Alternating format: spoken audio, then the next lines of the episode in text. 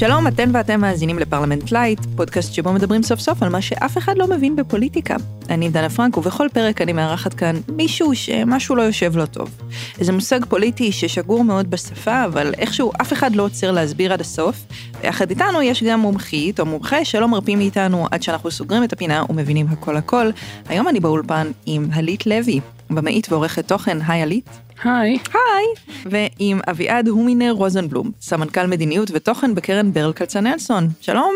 אהלן. איזה כיף שבאתם. עלית, היום אנחנו נדבר על שוויון. מה לך ולשוויון? תשמעי, אני לא יודעת איך לגשת לזה, אבל אני חושבת שלי זה משהו שהוא נורא טבעי, שוויון.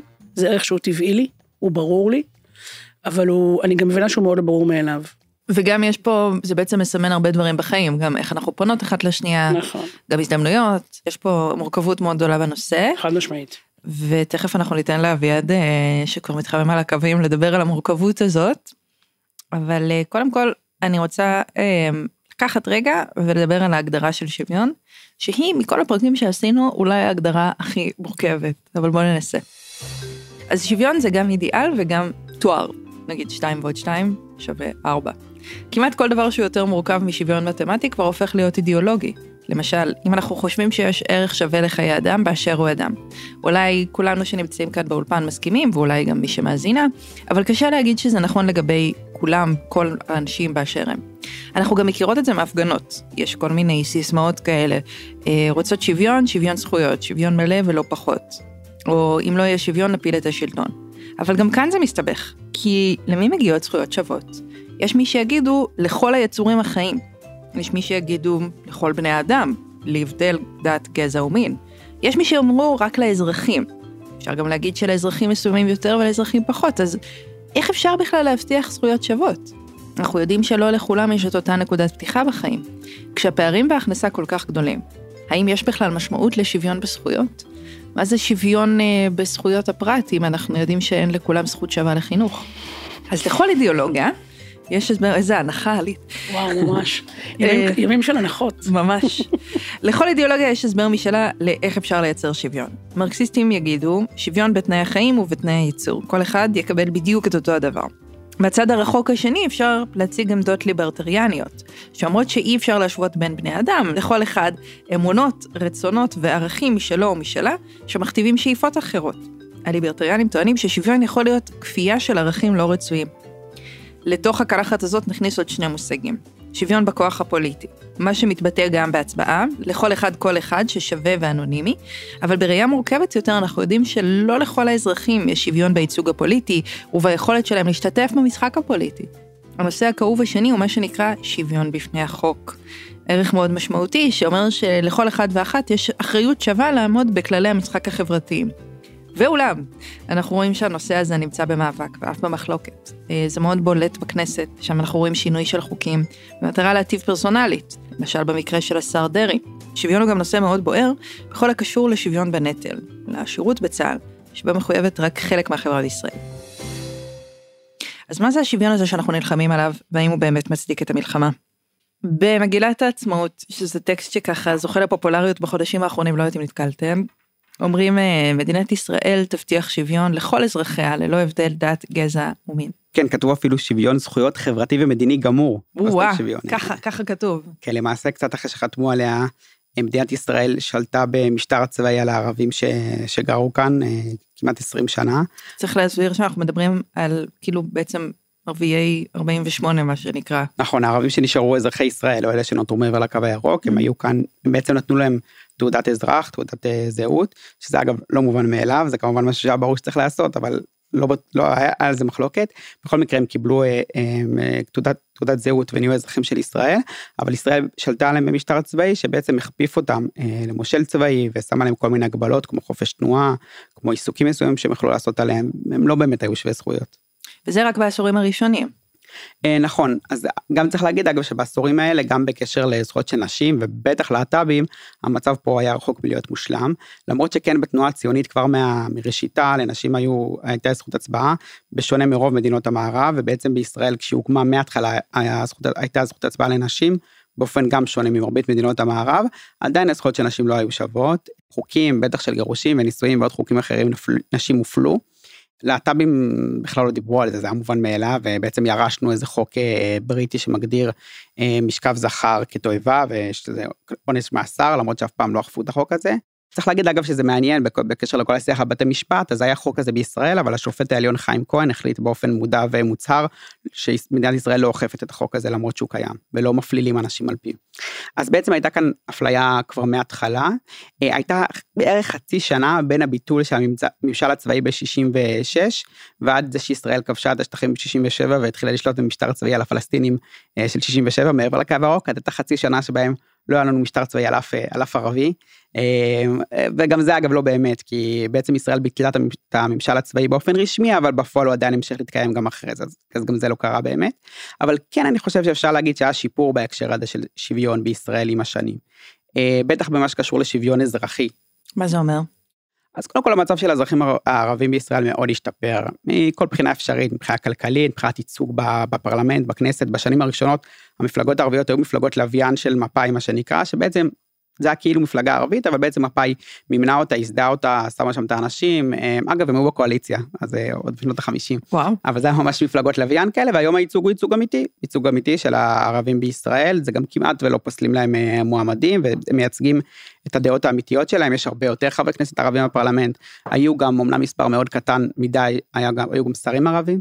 אמ, ואנחנו גם רואים משתלבים הרבה יותר בתעסוקה, משתלבים הרבה יותר במגזר הציבורי, בתפקידים בכירים במשרדי הממשלה, כאילו אי אפשר להשוות את זה למה שהיה בעבר.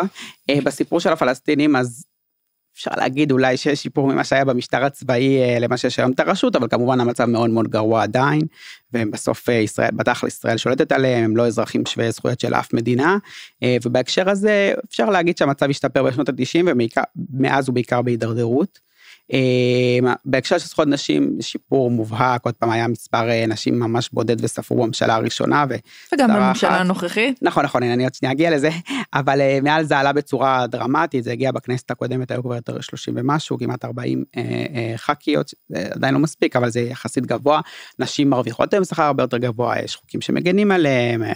נשים אה, מכהנות בתפקידים בכירים, מנכ"ליות של אה, עסקים, של משרדים, של בנקים, של... הרבה פעמים אנחנו אוהבים לדבר על המנכ"ליות ושרות וכאלה ולא מתייחסים לאנשים בשטח שעובדים וחיים וזה. אז כן יש שם שיפור פחות משמעותי, זאת אומרת עדיין נשים נוסעות בעבודת הטיפול העיקריות, עדיין הם אה, אלה שעובדות בתור אחיות, הן עובדות בתור הרבה פעמים מנקות. מה שנקרא מקצועות הצווארון הוורוד. בדיוק, צווארון ורוד או מקצועות הטיפול. אמ, גם פערי השכר נשמרים, נכון? נכון, פערי השכר מאוד גבוהים, הם, אה, הם הצטמצמו, אבל הם עדיין מאוד משמעותיים, ולהט"בים בכלל, שם זה באמת שמיים וארץ, מנושא שבכלל לא דיברו עליו והיה חוק של הפללה, זה נהיה נושא ש... בטח בשיח הישראלי ובתרבות ובחברה נהיה הרבה יותר מקובל.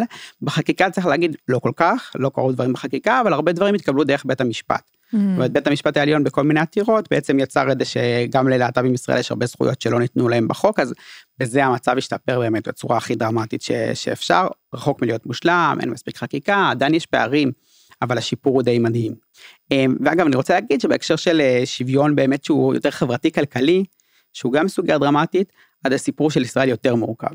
זאת אומרת, mm-hmm. בניגוד לסיפור שמדבר על שוויון כללי לערבים, לנשים, ללהט"בים, לעוד אוכלוסיות, שהוא יחסית סיפור של התקדמות לאורך השנים, עם נסיגה עכשיו, שאחרי זה נדבר על זה, סיפור של שוויון, אה, שוויון זכויות חברתי כלכלי הרבה הרבה יותר מורכב. כן, אה, ב, בשנים הראשונות המדינה ניסתה לעשות יותר בעזרה לאוכלוסיות חלשות, היא בעצם, חצי מהאנשים חיו בדיור ציבורי, המדינה השקיעה בזה הרבה מאוד כסף.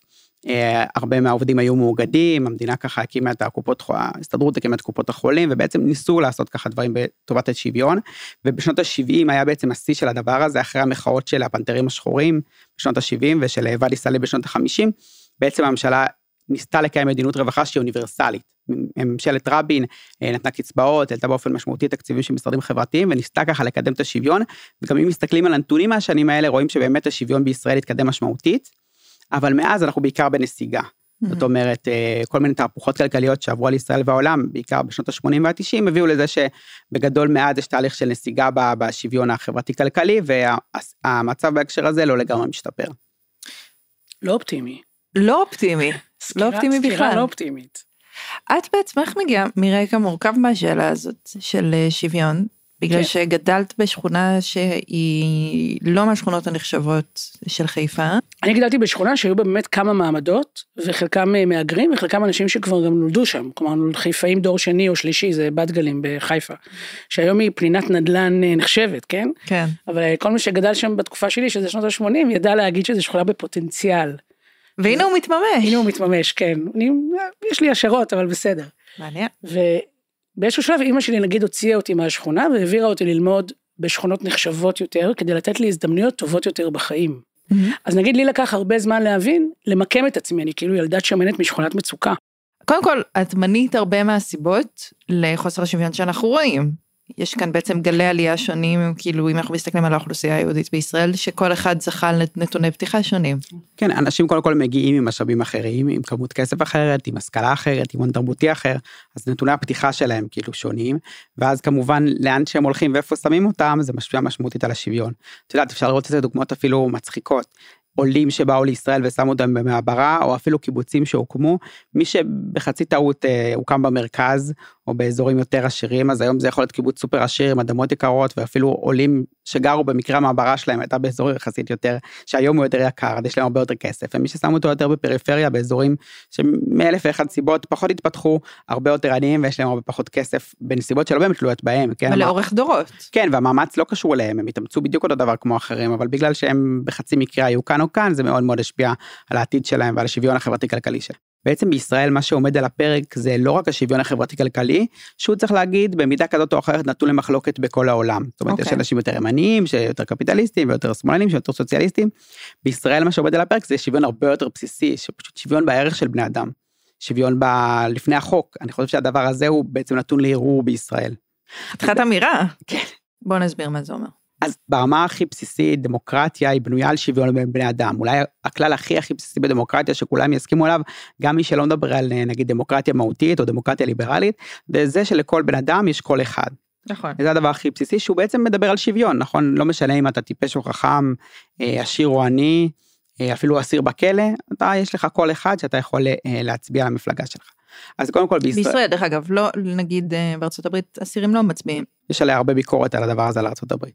אגב לא רק אסירים, נחמה פרוטה, כן, לפעמים גם אסירים משוחררים, אבל בישראל קודם כל אנחנו יש תחתנו פלסטינים שגרים בשטחים שאין להם זכות הצבעה בישראל. אנחנו בעצם מחליטים עליהם על החיים שלהם איך החיים שלהם ייראו מה יהיו החוקים בחלק מהמובנים שיחולו עליהם ואין הם לא יכולים להצביע כאן.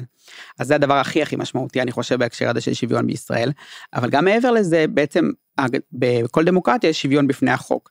לא משנה עוד פעם אם אני עושה עבירה עבירת תנועה או אה, איזה טייקון עושה עבירת תנועה שנינו נקבל אה, קנס אם זה יהיה חמור אולי ניכנס לכלא אה, צריך להגיד שזה ישפיע עלינו אחרת אם אני אקבל קנס של אלף שקל הוא יקבל קנס של אלף שקל נכון ויש מדינות כמו פינלנד שהקנס הוא כאחוז מההכנסה.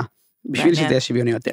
אבל בכל זאת אנחנו נקבל אותו קנס, אבל בישראל יש גם חקיקה וגם מדיניות בפועל שממש מפלה אנשים. זאת אומרת, יש אה, אה, בטח מדיניות, אבל גם חקיקה שמפלה יהודים על פני ערבים. Mm-hmm. אה, יש מדינ... וגברים, ונשים וגברים, כן, ולהט"בים כ... וסטרייטים. כמובן, וחקיקה שבאופן ברור מפלה אה, נשים וגברים. איזה וכזה... חקיקה מפלה נשים וגברים? הדבר העיקרי שמפלה זה כל מה שקשור בנישואים וגירושין. Mm. בעצם ההגדרה נישואים וגירושין בישראל זה ירשנו מהתקופה העות'מאנית עוד. הם בעצם נערכים על ידי בתי הדין הדתיים. אז ליהודים זה בתי הדין הרבניים, למוסלמים בתי הדין השרעיים, כל אחד לפי הדת שלו. ששם באופן ברור יש אפליה בין גברים לנשים, הם מבוססים על מסורת ש... אה, ועל פירוש מסוים למסורת שלא תופס שוויון כערך. אז א', אה, אצל היהודים כל הדיינים הם גברים, אגב אצל המוסלמים לא. יש גם אה, קדיות, זה יחסית חדש, כן. אז אצל היהודים כל ה... זה כבר אה, אפליה, הם לא, זה חלק מערכת ממשלתית שלא יכולות להיות באנשים, והמדיניות שהם בעצם מממשים היא לא מדיניות שוויונית. צריך להגיד שהסיפור הזה הוא גם הסיבה מספר אחת כנראה לזה שאין שוויון זכויות בחוקים של ישראל. אה, למדינת ישראל אין חוקה, אבל יש לה חוקי יסוד. ויש לה חוקי יסוד אפילו חוקים עקרוניים כמו נגיד חוק יסוד כבוד האדם וחירותו שהוא מדבר בפעם הראשונה חוקקו אותו ב-92 הוא בפעם הראשונה מקום המדינה מדבר על זכויות שיש לאנשים אבל הוא לא כולל את המילה שוויון.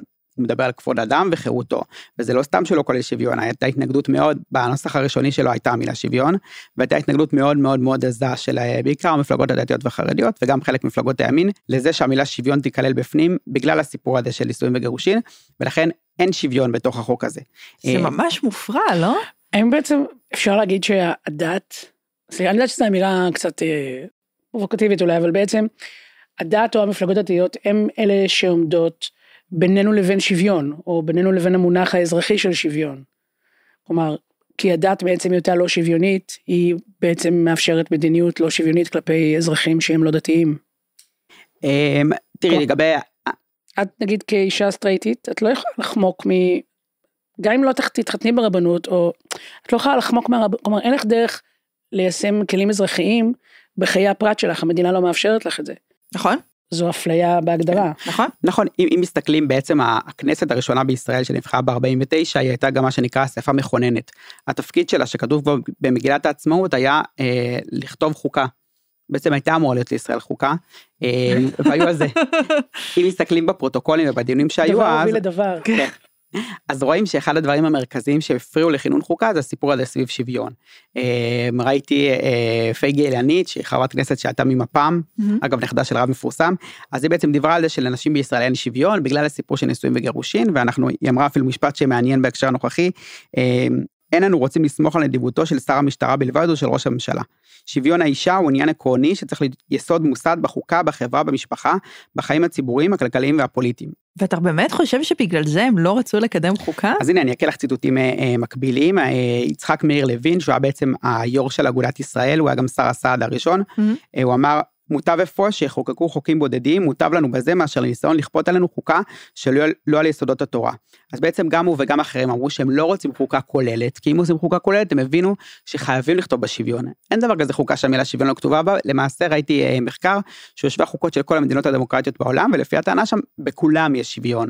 זה פשוט בסיס נורא של דמוקרטיה, אין דבר כזה חוקה בלי שוויון, ולכן הם העדיפו לא לכתוב חוקה, אלא שיהיה מה שקורה עכשיו, שיש חוקי יסוד בודדים. אם כותבים חוקי יסוד בודדים שהם לא החוקה כולה, אז אפשר פשוט לא להתחיל בשוויון. לעשות חוקים על חוק יסוד הכנסת, חוק יסוד הממשלה, חוק יסוד אה, כבוד האדם וחירותו, וכאילו להתעלם מהסיפור הזה של שוויון. וואו, זה ממש, אה, זה ממש עקום. זה עקום מאוד. זה כמעט רקוב ביסוד, נכון? אז זה, זה, זה כאילו כזה מזעזע גם מין זה. ישראבלוף כזה. כן. כן. זאת אומרת, זה, זה התחיל כל כך הרבה אחורה בעצם. ממש. נכון? לא הצליחו לסגור את הפינה הזאת. כן, וזה גם ממש אותו דבר, אני בדקתי, קודם כל צריך להגיד אבל רק הערה, שבן גוריון לא רצה גם חוקה מעוד דברים, אז זו לא הסיבה היחידה שהיא לא קיימת, אבל זו הסיבה המרכזית להתנגדות של לפחות המפלגות הדתיות והחרדיות עד היום. אבל זה בעצם יושב כל הזמן על ההתנגשות הזאת של בין ישראליות ל, ליהדות, כל הזמן, בכל נושא, גם, גם בשוויון. כן. אה, זה נכון, אני, אני מסכים שזה הרבה יושב על זה. אה, צריך להגיד שגם אה, הוגים מהימין, כמו ז'בוטינסקי לדוגמה, הוא דיבר גם בכתיבה שלו על שוויון, ושבמדינת ישראל חייב להיות שוויון בין יהודים וערבים וגברים ונשים. בטח הוגים מהשמאל הציוני הזה, היה להם מובן מאליו, ויש גם הוגים מה, מהציבור הדתי שמדברים על זה, על הסיפור הזה שצריך להיות שוויון, אבל באמת יש התנגדות מאוד מאוד עזה. היה ככה ב, לפני 20 שנה בערך עוד פעם דיונים על חוקה לישראל, והיו דיונים בכנסת, אז קראתי קצת את הפרוטוקולים וראיתי שם, אה, יש שם ציטוט באמת מדהים של גפני, שהוא כבר אז היה ח"כ ב-2006, תחשבו כמה שנים, הוא היה ח"כ, הוא דיבר... 34 שנים דרך אגב, כן. אנחנו בדקנו את זה לאחרונה. וואלה, כן, כן. זה די מטורף, אז הוא אומר, ברגע שאומרים את המילה החילונית שוויון ולא את המילה הדתית שוויון, זה מיד פוגע. זאת אומרת, זה כבר פוגע בחוקים שקיימים בכנסת. אם תוכנס המילה שוויון, המשמעות של זה היא שגם אישה יכולה להיות דיינית בבית הדין, אבל לפי ההלכה לא. המילה שוויון ביהדות היא אחרת. זה מעניין. כן, זה מאוד מעניין, הוא לא ממש מסביר מה זה דעתו המילה שוויון ביהדות, כי אני לא בטוח שיש לו פירוש אמיתי לזה וזה קצת תירוץ, אבל הוא אומר שהמילה החילונית שוויון היא זאת שמפריעה לו, היא זאת שפוגעת בו, ובגלל זה הוא לא רוצה חוקה, כי הוא מבין שזה ישפיע על דברים שהוא פשוט לא רוצה שהם יהיו שוויוניים. ולצערי אני גם חושב שאנחנו פשוט הולכים לאחור בכל ההיבטים האלה. הממשלה הנוכחית וכל החלק מהחוקים שלה וגם מה שהיא מנסה לפגוע בבית המשפט, זה בגלל הניסיון הזה לפגוע בשוויון. זאת אומרת, במקום להתקדם אנחנו פשוט הולכים אחורה. זה, זה המשמעות של שמרנות, שמרנות היא, היא מקבעת את האי שוויון במובן מסוים, נכון? כן, אבל הם אפילו לא שמרנים, הם, הם ריאקציונרים. הם לא אומרים בוא נשאיר את המצב עכשיו כמו שהוא, זה מה שהיה לנו בשנים לא, של נתניהו ברוב אחורה. השנים. כן, רוב השנים של נתניהו באמת זה היה יותר שמרנות כזאת, הדברים נשארו כמו שהם. עכשיו ממש באופן ברור וגלוי רוצים להחזיר את המצב לאחור. ציטוט שממש אה, בשבילנו במתנה. שמחה רוטמן מתראיין לאיזה פודקאסט אמריקאי, לא בא. לפרלמנט לייט, מה? סינקאי נהדר. סינקאי נהדר, ואמר אה, שוויון זה מושג מעורפל שלא צריך להיות מעו- מעוגן בחוק יסוד, שזה משהו שאני חושבת שלאמריקאים ספציפית מאוד קשה לשמוע. ורוטמן אמר שאפשר לפרש את רעיון השוויון גם כשוויון בתוצאות, ואז זה צ'ק פתוח לשופט קומוניסט, שאומר שצריך להעלות מיסים כי זה לא שוויוני שאחד ילך הביתה עם מיליון דולר ואחר עם שקל אחד. שוויון זה מושג מעורפל, אז אפשר להחליט שכל דבר שסובל מאי שוויון, אם אין הבנה משותפת של מה זה אי שוויון. קודם כל אני חייבת להגיד שאני מסכימה עם המשפט האחרון, זאת אומרת אם אנחנו לא מסכימים על מהו שוויון, כמו בדוגמה שלך של גפני, אנחנו לא יכולים להסכים מה זה אי שוויון. אבל בואו נפרק את הציטוט הזה רגע טוב ביחד, כי יש פה הרבה דברים. קודם כל, האם שופטים יכולים להחליט על העלאות מיסים בישראל? לא. לא. לא. אין כזה דבר. לא, והם גם לא מתערבים בזה כמעט אף פעם. עכשיו, אם אנחנו חושבים רגע על שוויון בתוצאות, שזה מה שרוטמן מגדיר, מה זה בעצם אומר? כן, בדרך כלל כשמדברים על שוויון בתוצאות, מתייחסים להיבט החברתי-כלכלי. יש כאילו מחלוקת בין אנשים שמאמינים בשוויון הזדמנויות, שהם אומרים אני צריך לדאוג אה, לתנאי מגרש שווים, בעיקר מתקדמים לחינוך, למערכת חינוך שוויונית לכולם, ואז אחרי זה כל אחד יצליח כמה שהוא מצליח, וזה לפי המזל שלו, החוכמה שלו, הכישרון שלו, לפי מה, שהוא, מה שקורה. אה, ושוויון בתוצאות זה מה שיותר סוציאל דמוקרטים יותר אומרים, שהם אומרים שוויון הזדמנויות זה נחמד, חינוך טוב זה חשוב, אבל זה לא מספיק, קודם כל כי בתי ספר זה לא עוזר, עדיין יש לאנשים את הבית שהם גדלו בו, אפילו את הגנים שלהם, את הסביבה, אפילו חוסר מזל, סתם הוא לא הצליח, ואנחנו רוצים שאנשים יחיו בתנאים טובים, גם אם הם לא הצליחו בלימודים, לא מספיק חכמים, לא מספיק מוכשרים, לא מספיק ברי מזל, דפקו אותם כי הם אה, שוללים בחברה, לא משנה מאיזה סיבה, אנחנו רוצים שלאנשים יחיו חיים טובים וראויים ובכבוד, אפילו אם הם אה, לא הצליחו כאילו מה שאנחנו מגדירים של הצליחו בחיים, אבל אני חושב שהוא מרמה כאן שמחה רוטמן בשני היבטים. כן, א', כי אנחנו יודעים היום שאין דבר כזה באמת שוויון הזדמנויות בלי שוויון בתוצאות, זאת אומרת, יש, אה, יש גרף מפורסם שנקרא גרף, גרף גצבי הגדול, על שם ספר וסרט מפורסמים, שהוא בעצם מראה שיש התאמה מאוד ברורה בין מדינות שיש בהן שוויון בתוצאות, זאת אומרת, אם בודקים את ההכנסות של האנשים, הם יחסית שוויוניות לבין שוויון הזדמנויות, לבין היכולת של אנשים להשתכר יותר מההורים שלהם ולהיות בעשירון יותר גבוה מההורים שלהם, זאת אומרת הדברים קשורים אחד לשני, זה לא באמת לא, באמת בוא, בוא, שנייה, כן. בוא נתעכב על זה. אתה אומר שאם אנחנו רואים שאנשים מרוויחים יותר כסף... לא מרוויחים אלא, אלא שהשכר שלהם יותר שוויוני. Mm. זאת אומרת הפערים בשכר הם פחות גבוהים, מדינות שיש בהם פערים פחות גבוהים בשכר. זה גם קשור לזה שאתה יכול יותר להתקדם בלי קשר למקום שאתה בא ממנו. בדיוק, יש okay. אוקיי. קשר ברור ומובהק בין הדברים האלה, שזה גם כל מיני הסברים למה הקשר הזה מתקיים, ולכן ברור היום שאם אנחנו לא נילחם גם בשוויון בתוצאות, מה שנקרא, גם לא יהיה לנו שוויון הזדמנויות, אי אפשר לנתק ביניהם. והרבה פעמים פוליטיקאים שמדברים רק על שוויון הזדמנויות, זה פשוט נוח להם, זה מין אה, מס שפתיים כזה שהם בעצם מתקדמים להשקיע קצת בחינוך, ואז uh, הכל יהיה בסדר. אגב, גם זה לא קורה לצערי בישראל, זאת אומרת, יש אפליה בחינוך בישראל, לדוגמת תלמידים ערבים מקבלים פחות מתלמידים יהודים, שהציבור הערבי הוא ציבור יותר חלש אה, כלכלית וכמעט בכל היבט. אז גם אפילו האמת הדבר הבסיסי הזה לא קורה. והסיבה השנייה שהוא מרמה בעיניי הוא שמה שבעיקר אני מאמין לרוטמן שגם לא אכפת לו מעניים ולא אכפת לו מאנשים חלשים בהיבט החברתי כלכלי זה אני מאמין לו אבל אני חושב שבעיקר הוא לא רוצה שוויון בהיבטים שקשורים לערבים ובהיבטים שקשורים לנשים ולהט"בים זאת אומרת זה מה שבאמת מפריע לו. בסוף שמחה רוטמן הוא איש ימין קיצוני הוא אדם שגר במאחז שהוא עד היום לא חוקי בבית שהוצא לו צו הריסה במפלגה שמקדמת תוכנית שהיא בתכלס תוכנית טרנספר שדוגלת באופן מובהק באפליה של יהודית. כן בעליונות יהודית שרוצה והצהירה שרוצה לקדם חוק אפליה שמאפשר להפל, להפלות נשים ולהט"בים. זה מה שבאמת באמת אכפת לו. הוא לא רוצה שהשוויון הזה יתקיים. הוא, הוא מבין שבית משפט כל בית משפט הכי בסיסי במדינה דמוקרטית חייב לפסוק באופן שווה ל, ליהודים וערבים ולנשים וגברים ולכל האוכלוסיות האחרות. הוא פשוט לא רוצה לתת לו כאילו את הנשק הזה שנקרא שוויון כי הוא אין באמת פירוש אחר למילה שוויון. הוא סתם אומר את זה. כל מי ש... כל בן אדם בעולם תקחי אותו יגיד שוויון הוא יבין מצוין מה זה שוויון פשוט הוא ממציא מושג הוא רוצה אי שוויון אז באמת זה לא מסתדר עם המושג שוויון זאת הבעיה האמיתית שלו. יש אה, עשרה אנשים רעבים ואותה כמות אוכל וצריך לחלק את זה לפני עשרה אנשים הרעבים. אז אם אתה נותנת לכולם, לכאורה בשוויון אומר, נכון, שאת נותנת לכולם את אותה מנה, נכון? את אותם איקס גרמים לכולם, כי זה שוויוני. אבל יש אחד שהוא עם נטייה להשמנה ואחד לא, ויש אחד שלא אכל שבועיים, ויש אחד שאכל לפני יומיים. אני בכוונה רגע פורטת את זה למיקרו דה מיקרו של הנושא הזה. הרי אין חצי שוויון, נכון? אז אם, אני, אם את מתייחסת לעקרון החלוקה, שאת אומרת, אני לוקחת את מבחן התוצאה, מבחן התוצאה אני צריכה שהם יהיו שבעים, ולכן אני רוצה גם להתייחס לנקודת הפתיחה של כל אחד מהם ביחס לרעב. נכון, לכן מדברים היום הרבה פעמים על inequality לעומת equity, בדיוק, על הגינות, על הגינות לעומת שוויון. מעניין. לפעמים אומרים ששוויון הוא כאילו המושג היותר... fairness בעצם. בדיוק, לעומת המושג היותר עיוור, כאילו שהוא בעצם נותן לכולם אותו דבר גם בלי נכון. קשר לצרכים שלהם, והגינות היא בעצם נותנת להם גם לפי הצרכים שלהם. כשאנחנו אומרים על שוויון בעצם מתכוונים גם להגינות, זה ברור שלא נותנים לכולם אותו דבר וזה לאנשים גם לפי הצרכים שלהם. אני סתם אתן לכם דוגמה מדהימה, יש בהסכמים הקואליציוניים של עוצמה יהודית ושל מפלגת הציונות הדתית וגם של המפלגות החרדיות, נגיד של עדות התורה, כתוב שם שיוצאי צבא הם יקבלו עדיפות בקבלה לכל מיני פקולטות באוניברס... באוניברסיטה, נגד מדעי המחשב, משפטים וכאלה. עכשיו, למה שיהדות התורה תדאג ליוצאי צבא כאילו היא לא מפלגה שמולדת גיוס לצבא אבל אם מכירים את החוק בישראל יודעים שיוצאת גם חרדים שלומדים בישיבה הם נקראים יוצאי צבא. אשכרה, לא ידעתי את זה. וכן מכל מיני סיבות חוקיות ומי שלא נחשב יוצאי צבא זה ערבים. אז זה בעצם טריק לעשות את זה שתהיה העדפה מתקנת ליהודים ולא לערבים, רק מוצאים אה, מילים מכובסות לעשות את זה. עוד דוגמה, אה, עבר בכנסת בקריאה ראשונה לדעתי חוק אה, עונש מוות למחבלים, שזה אגב חוק עונש מוות חובה למחבלים, כבר היום בחוק אפשר לתת להם עונש מוות, אבל זה ממש יחייב לתת להם עונש מוות, והחוק הזה כדי שהוא לא יכול על יהודים, כתוב שם שזה צריך להיות מישהו שעשה פעולת טרור, שפוגע, מנסה לפגוע במשהו בדמותה היהודית של מדינת ישראל, כדי שזה יהיה רק על ערבים. פשוט ככה מוצאים כל מיני טריקים לכתוב בחוק כדי שמחבלים יהודים שרוצחים ערבים אפילו מסיבות לאומניות לא, לא יטילו עליהם עונש מוות, מחבלים ערבים כן. אז בעצם ממש מה שם, תמיד היה אי שוויון בישראל ותמיד היה אי שוויון נגד ערבים, זו ממש לא המצאה של הממשלה הנוכחית, אבל היא מאוד מאוד מאוד מעצימה את זה, היא בעצם עושה הרבה מאוד פעולות שאני חושב שהמהפכה המשפטית היא בראשן, זה הדבר הכי משמעותי שמנסה לפגוע בשוויון, אבל גם הרבה מאוד פעולות אחרות שבעצם מנסות לפגוע בשוויון שעוד כן קיים בישראל. אז בוא רגע נדבר על למה המהפכה המשפטית קשורה לשוויון.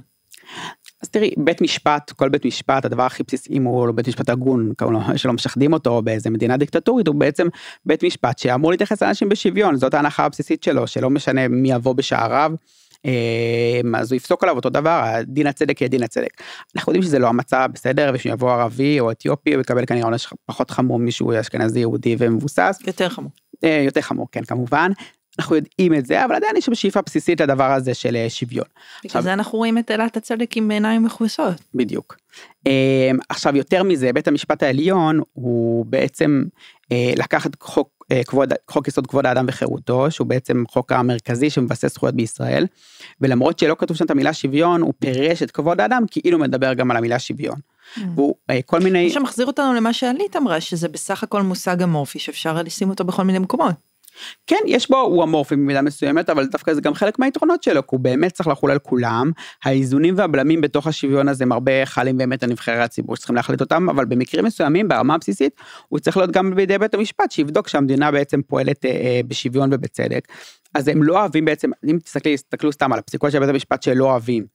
אז נגיד אה, לא אוהבים את הפסיקות על מסתננים, לא אוהבים את הפסיקות לגבי אה, הפרדה של אה, נשים, לא אוהבים את הפסיקות לגבי ערבים.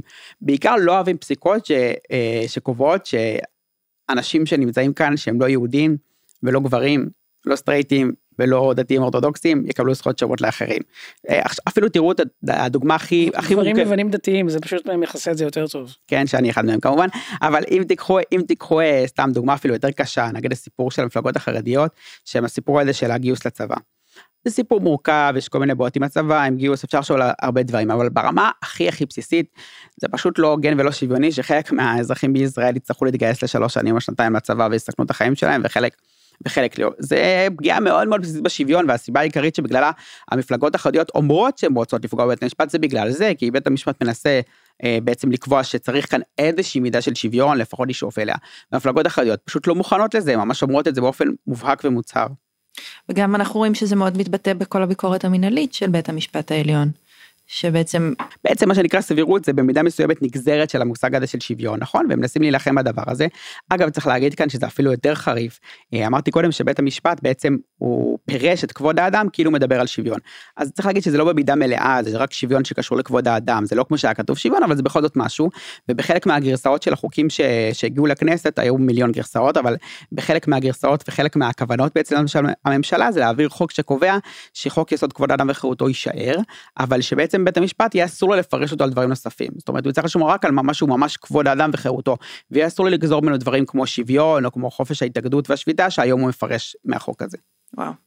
לפני שנתיים או שלוש משהו כזה היה בדפוס שקוראים לו אגב צבעי הקשת שהוא סירב להדפיס אה, מודעות של אה, אה, האחווה הגאה באוניברסיטת בן גוריון אפילו בלי שורת המודעות הם פשוט פנו אליו כדי לקבל הצעת מחיר והוא אמר אני לא מוכן לשרת סוטים או משהו כזה ובעצם הלכו לבית המשפט וזכו בתביעה אגב אני בדיוק הסתכלתי אני כותב איזה משהו הסתכלתי בתביעה שם מי שייצג את, ה, את הבית הדפוס הזה הייתה עמותה שנקראת חוננו.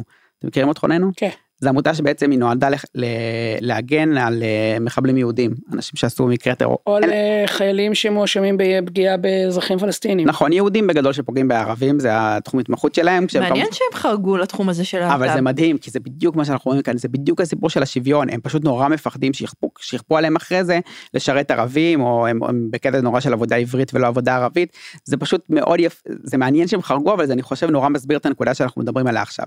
בסוף זה הסיפור של שוויון, השאלה האם אה, יהודים שווים לערבים היא אותה שאלה אם נשים שוות לגברים. כבר אז אחרי הפסיקה, אה, בצלאל סמוטריץ' הוא אז צעיר יחסית, הוא יצא נגד הפסיקה הזאת, וצעירי האיחוד הלאומי, שזה היה השם הקודם של המפלגה שלו, הם גייסו כסף כדי לש- לשלם את הקנס של בית הדפוס, ובעצם החוק שהם רוצים לחוקק, שהוסכם בעצם על חקיקת החוק הזה בהסכמים הקואליציוניים, זה חוק שאומר שכן יהיה מותר להפלות על בסיס אמונה דתית, אגב רק אמונה דתית. זאת אומרת אם מישהו לא יודע הוא אה, בעל בית דפוס והוא טבעוני ובא אליו אה, קצבייה שרוצה להדפיס אה, אה, פליירים אז יהיה אסור לו לסרב לה.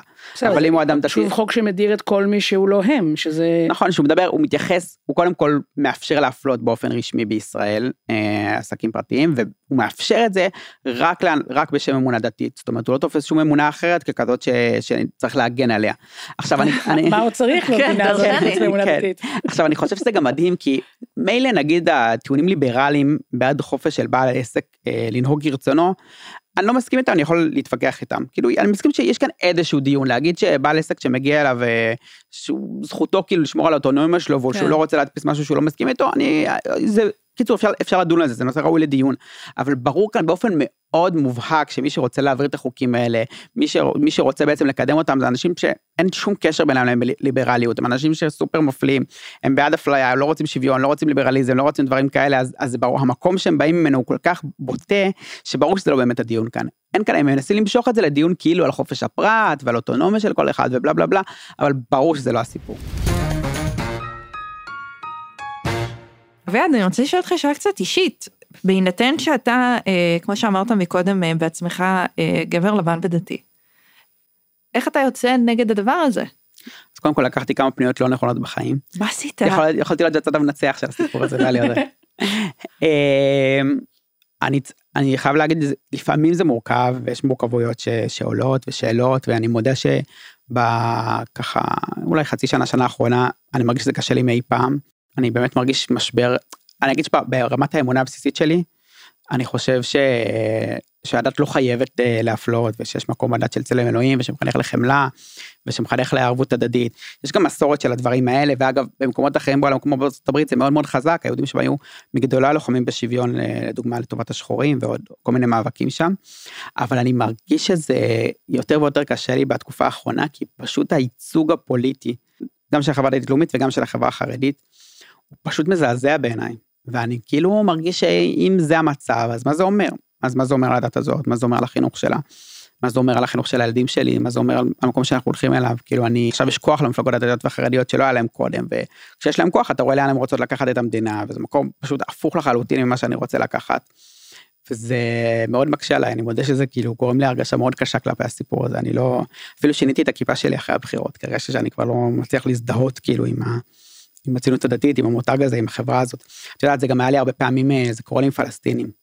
היה לי פעם הייתי באיזה משלחת אה, כשהייתי צעיר אה, לגרמניה כל מיני צעירים יהודים ערבים ופלסטינים והם פשוט היו מבוהלים ממני הצעירים הפלסטינים מבוהלים. בגלל הכיפה? כן ממש הם, אני, הם היו מבוהלים ממני אני לא כל כך קלטתי לא הבנתי כאילו את הסיטואציה. פעם אחת אפילו סתם צילמתי והם ממש הלכו למדריך של הקבוצה ודרשו שאני אמחק את זה כאילו מבחינתם אני.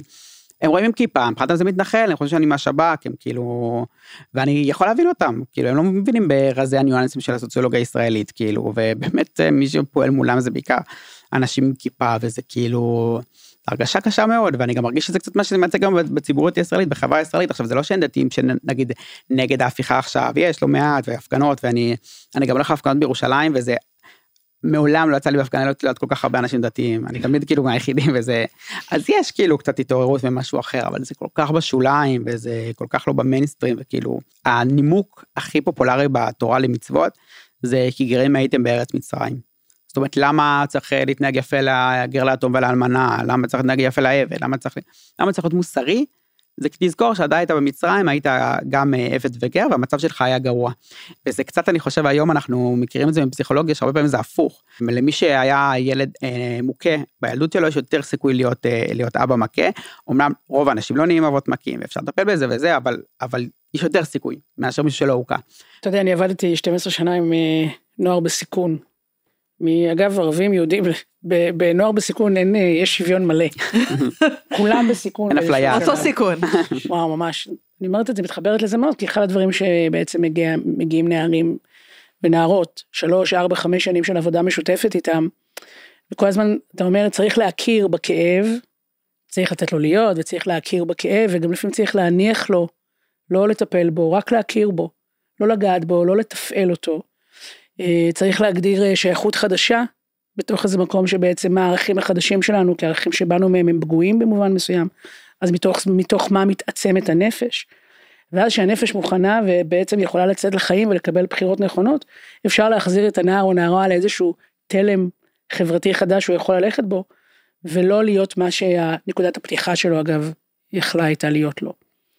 ותמיד אני חושבת על זה בהקשר הזה שזה מאוד נכון נשת עלינו כחברה ישראלית, שאנחנו כל הזמן משכפלים את הטראומה, כל פעם טראומה של מישהו אחר, וגם הטראומה של, של ערבים ושל יהודים, וכל אחד והטראומה שלו, ואנחנו לא מצליחים להת, להתגבר מעל זה. כן, אני מאוד מסכים, אגב, רואים את זה עכשיו הרבה מהדיבור סביב ההפיכה המשפטית והיחס של המשטרה, בית המשפט, בדיוק, ההתנתקות כל הזמן חוזרת ועולה. זהו, ו... שבעצם היא ריפוף לרצח רבין, אז נכון, כאילו... כולם אה, נוקמים אחד לשני. זהו, ולאחרונה חשבתי לגבי הנימוק הזה בתורה, שאולי הוא לא בא להגיד אה, תהיו נחמדים כדי ש... תזכרו שהייתם, אה, אה, שהתייחסו אליכם לא יפה, אז בגלל זה תהיו נחמדים, אלא להפך, הוא בא להגיד, התייחסו אליכם כל כך לא יפה, שאני צריך כל הזמן לצוות עליכם להתנהג יפה לאחרים. אני יודע שאתם, אני יודע שאתם, בטרא, אני יודע שאתם בטראומה פשוט כל כך גדולה, אז אני אומר לכם, אתם חייבים להתנהג אחד לשני יפה, כי אני יודע שאולי תשחזרו את ההתנהגות הזאת לאחרים. בערך 70, עשיתי קרוב ל-70 תוכניות נגיד של בואו לאכול איתי, ובאמת זה אומר שזה 70 אנשים שנכנסנו לבתים שלהם וצילמנו בבתים שלהם, אה, ועברנו איתם חמישה ימים מאוד מאוד אינטנסיביים. ואנחנו נכנסים אליהם לבתים, שזה אומר, אה, אנחנו זה בדרך כלל תל אביבים, ליברלים, את יודעת, אני מגיעה עם, עם מי שאני, עם הקעקועים והשמנות והלסביות והכל בפייס, כזה הכל נראה עליו זה. והם שומרי כשר והם יהודים והם מזרחים והם אשכנזים והם מלא מלא דברים והם ערבים ולא, נוצרת איזו שוויוניות. נוצרת איזו נעימות, נוצרת איזו שיחה. גם נוצרות איזה הסכמות סביב השולחן אוכל הזה. הרבה פעמים כשאני אה, ברגעים, בתחושות קשות, אני חושבת על זה שביקום המקביל של באו לאכול איתי, בסוף כולם איכשהו מצליחים להסתדר. ועוד שבסוף יבוא איזה קריין מצחיק וייתן איזה בדיחה טובה ויהפוך את הכאב כולם שווים בפני הפאנץ'. בדיוק, ממש. אני מאוד שמחה על השיחה הזאת ואני רוצה לסיים אותה בנימה אופטימית זו אחרי כל הדברים המדכאים שנאמרו פה. תודה רבה. תודה רבה. תודה לכם. האזנתם לפרלמנט לייט, אני דנה פרנק, מפיקת הפרויקט היא מור אזולאי מג'וס. עורך הסאונד הוא אסף רפפורט. הקלטנו את הפרק הזה באולפני ג'אפה עם טכנאי ההקלטה אלי גורן. תודה שהאזנתם, ותודה שהאזנתם.